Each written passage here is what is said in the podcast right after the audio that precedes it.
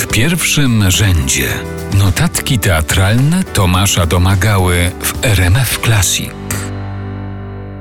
Jej potomkowie, w trzecim już i czwartym pokoleniu, wciąż nazywają ją Buźka, a to, jak głosi jedna z rodzinnych legend, ze względu na niezwykle plastyczną i bogatą mimikę twarzy i słynne strojone przez nią minki. Tak naprawdę zaś to zdrobnienie od babuśki, jak ją pieszczotliwie nazywały wnuki. Mowa o Wandzie Siemaszkowej, wybitnej aktorce, reżyserce, jednej z pierwszych dyrektorek polskich teatrów, w tym Teatru Ziemi Rzeszowskiej, który jako jedyny nosi dziś jej imię. Legendą obrosła w Rzeszowie sprawa balladyny, na którą zabrakło funduszy. Podobno się Maszkowa odpięła wtedy złotą broszę, rzuciła ją na stół, mówiąc: Będzie miał Rzeszów swoją balladynę. W marcu 1901 roku Siemaszkowa wzięła udział w największym polskim wydarzeniu artystycznym początku XX wieku, prapremierze Wesela w koncepcji i reżyserii Stanisława Wyspiańskiego. Jej kreację Panny Młodej docenił sam autor, wręczając artystce tuż po premierze kosz marcepanowych kartofelków, a później malując jej dwa słynne portrety.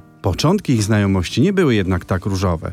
Gdy Wyspiański przyszedł do Siemaszkowej proponować jej rolę w weselu, nie dość, że miał kompletnie zdezelowane, ubłocone buty, to jeszcze jako, że tego dnia lało jak z cebra, był kompletnie przemoczony. Znakomita aktorka, znana z obsesji porządku i czystości, nie mogła skoncentrować się na rozmowie, ponieważ woda ściekająca z Wyspiańskiego spływała na jej nowe, lśniące podłogi. Całe życie potem twierdziła, że z tej rozmowy pamięta tylko spadające na nowiutkie drewno krople wody. Dramat jednak przeczytała, propozycję Wyspiańskiego przyjęła, a dalej, dalej to już historia polskiego teatru. Pomyślmy dziś ciepło o buźce. W końcu nic tak dobrze człowiekowi nie robi o poranku, jak uśmiechnięta buźka.